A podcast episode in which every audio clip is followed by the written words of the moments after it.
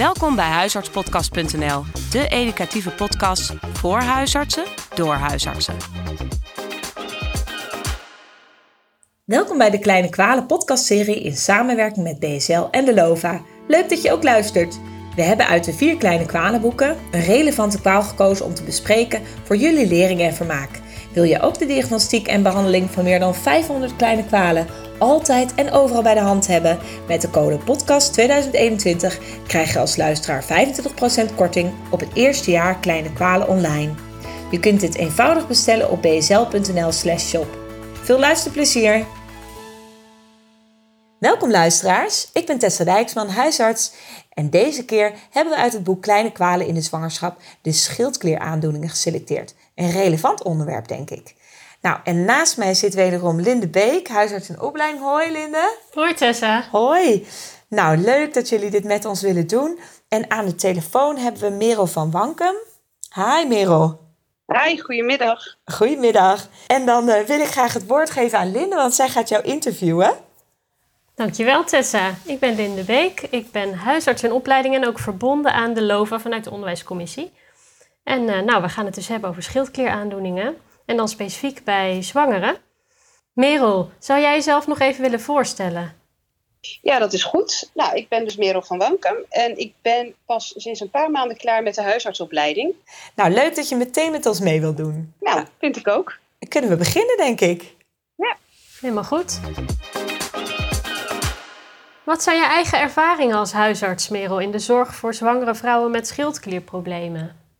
Nou, eerlijk gezegd heb ik in de praktijk weinig zwangere vrouwen met schildklierproblemen gezien. Het komt over het algemeen al niet heel veel voor dat vrouwen schildklierproblemen hebben tijdens de zwangerschap. Dan ook nog eens zwangeren in uh, mijn opleidingspraktijk dan te hebben, dat waren er ook niet veel. Ondanks dat ik geen praktische ervaringen mee heb, heb ik wel een interesse voor de verloskunde en de endocrinologie. Dus ik vind het wel een heel boeiend onderwerp. Goed, dan uh, ben ik eigenlijk benieuwd. Wat voor veranderingen treden er op in de werking van de schildklier bij ja, een gewone verlopende zwangerschap? Ja, tijdens de zwangerschap treden er een aantal veranderingen op bij de schildklier van de zwangere vrouw. De schildklier die wordt wat groter en de productie van T3 en T4, de schildklierhormoon, die neemt toe. En daarnaast hebben zwangere vrouwen natuurlijk het zwangerschapshormoon HCG in zich. Ja. En HCG stimuleert ook de afgifte van de schildklierhormonen, waardoor de TSH daalt. En daardoor uh, heb je dus ook dat in de zwangerschap er andere referentiewaarden voor de TSH gelden.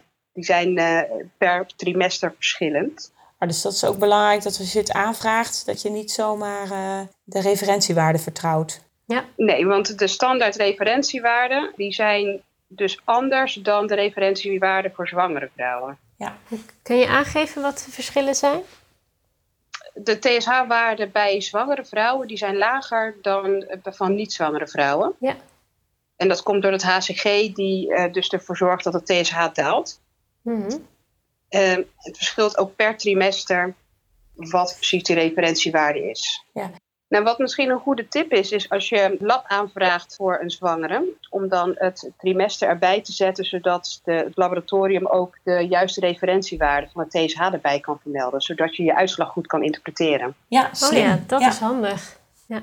Kun je ons ook meenemen in het proces dat kan ontstaan bij een zwangere vrouw die al een bekende schildklieraandoening heeft?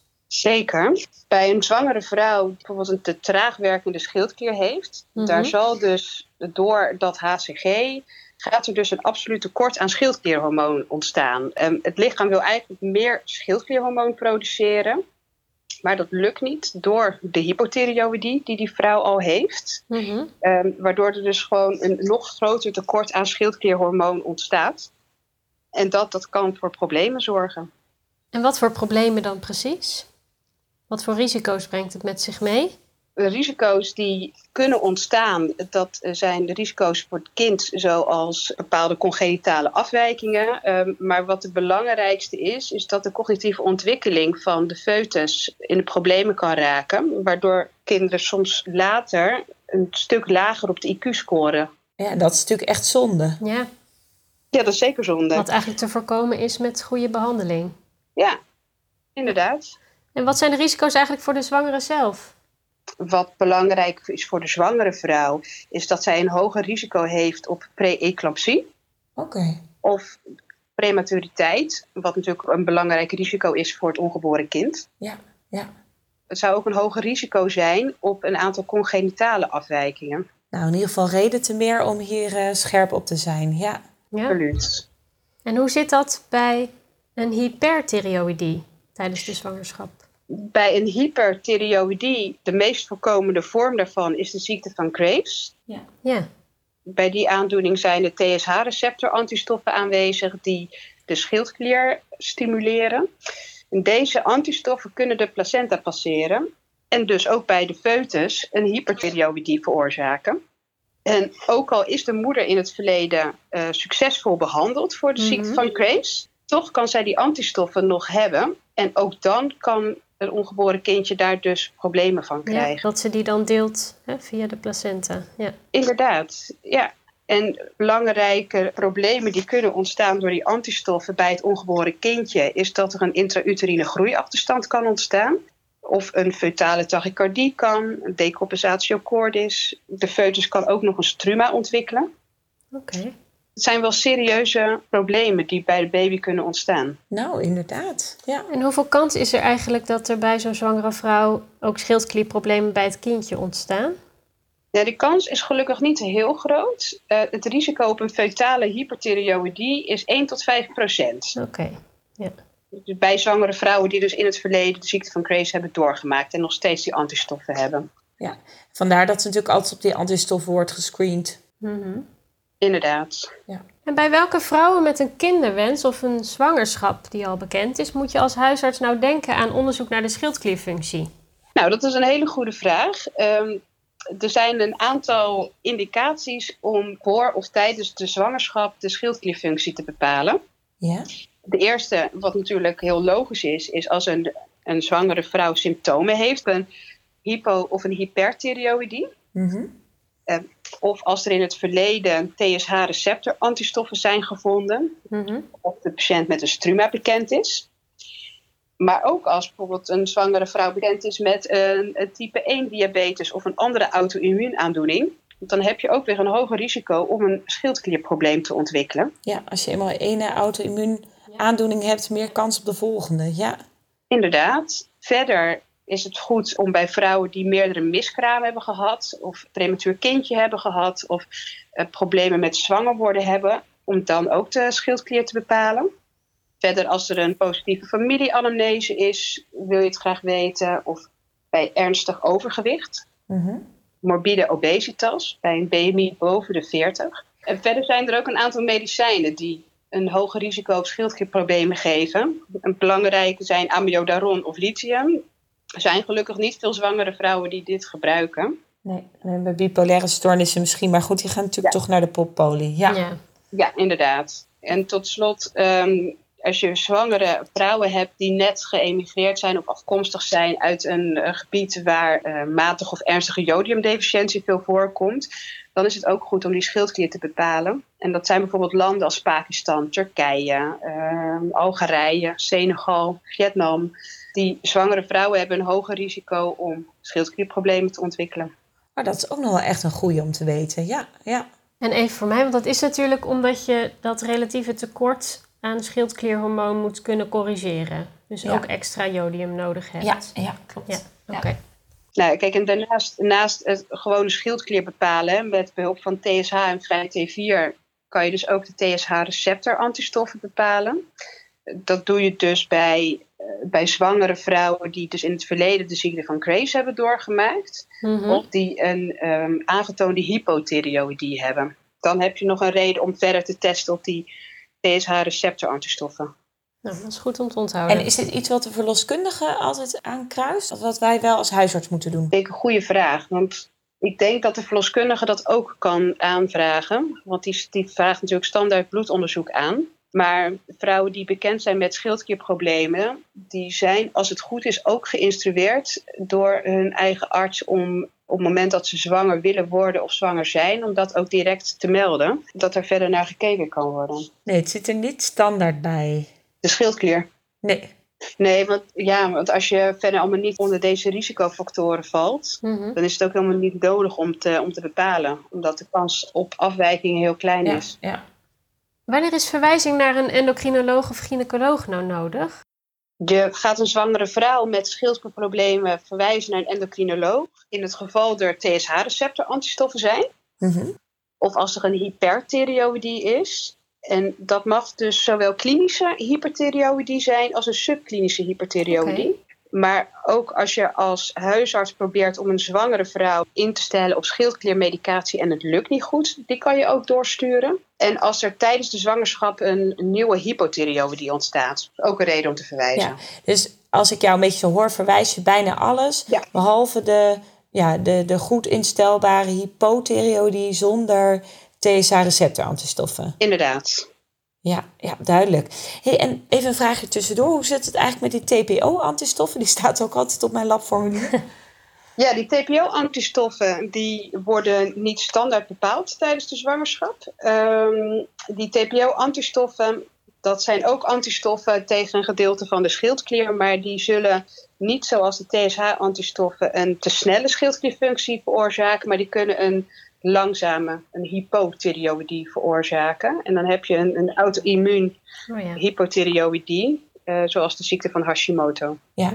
En als die TPO-antistoffen bij een vrouw dan verhoogd zijn, dan heeft ze meer kans om ooit Hashimoto te ontwikkelen? Of... Het kan, maar het hoeft niet. En dat passeert niet de placenta, of daar heeft de baby in ieder geval geen last van? Nou, naar mijn weten niet. Nee, nee. Nou, interessant. Ja. Hey, en Merel, stel nou dat ik zo meteen een eh, patiënt in de praktijk zie die zwanger is met een bekende hypothyreoïdie, maar zonder die TSH-receptor antistoffen. Nou, dan hoef ik in principe niet te verwijzen, maar hoe pak ik dat aan qua Tirax-verhoging, zeg maar? Omdat die zwanger natuurlijk meer Tirax nodig heeft.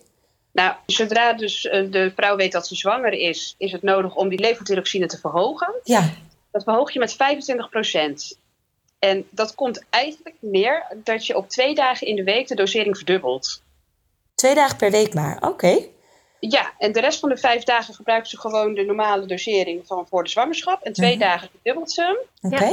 Eh, en vervolgens moet je dus na vier weken TSH en vrij T4 controleren om te kijken ehm, wat dat effect is. Je hebt dan een streefwaarde van de TSH rond de 1 tot 2 milliunits per liter. Ja, en dat zijn die Mhm. aangepaste streefwaarden weer afhankelijk van het trimester.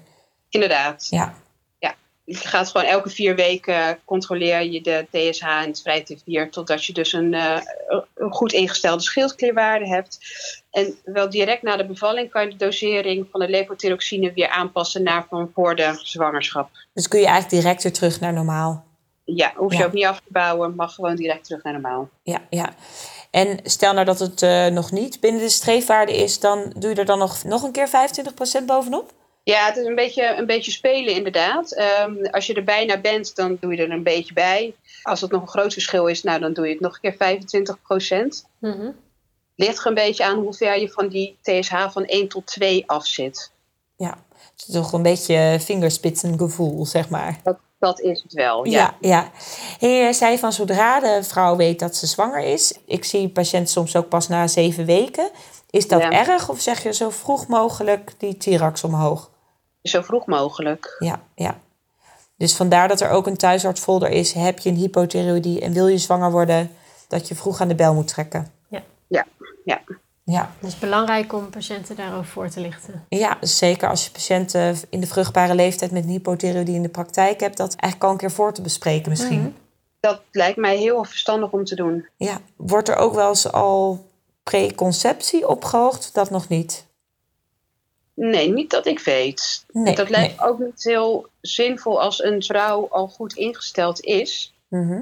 Want dan ga je juist alleen maar een hyperfunctie van je schildklier maken. Ja, Ik denk, het, het lijkt mij voldoende om zodra de zwangerschap is bevestigd, Ja. om dan je levothyroxine op te hogen. Ja. nou mooi. Dan weet ik wat ik moet doen in de praktijk. Heel goed. Nou ben ik nog wel benieuwd, want ik zag nog dat de NAG-standaard adviseert om zwangeren met een bekende subklinische hypothyreoïdie wel te behandelen met levothyroxine. Ja, Terwijl ik las dat de richtlijn van de Nederlandse Internistenvereniging eigenlijk geen uitspraak daarover doet, omdat er onvoldoende evidence voor zou zijn. Hoe ga jij hiermee om? Wat is jouw advies hierover? ja, het is altijd lastig als twee richtlijnen elkaar tegenspreken. Ja, In dit geval ben ik meer geneigd om het advies van de Nederlandse internistenvereniging te volgen. Eh, omdat Mhm. vanuit onderzoeken te weinig evidence is om wel of niet te behandelen, zou ik eerder adviseren om dan niet te behandelen. Omdat het geen effect lijkt te hebben op de risico's op het ongeboren kind en de zwangere. Ja, zit wat in. Ja. Welke vragen zijn eigenlijk belangrijk om te stellen aan zwangere vrouwen met schildklierproblemen? Er zijn een aantal dingen die je graag wil weten van ze. Ehm, ten eerste, welke schildkliermedicatie gebruiken ze voorafgaand aan de zwangerschap? En gebruiken ze ook andere medicatie, hè, zoals die amiodaron of lithium? Hebben ze op dit moment klachten die kunnen passen bij een hypo- of hyperthyreoïdie? Hoe zijn eerdere zwangerschappen verlopen? Komen de schildklierproblemen in de familie voor? En komt deze patiënt bijvoorbeeld uit een land waar er een jodiumdeficiëntie is? Dat zijn ook nog wel belangrijke dingen om te weten. ja, wat jij net ook al noemde. Hè? Ja. Inderdaad. Nou, wat moeten we hiervan nou zeker onthouden?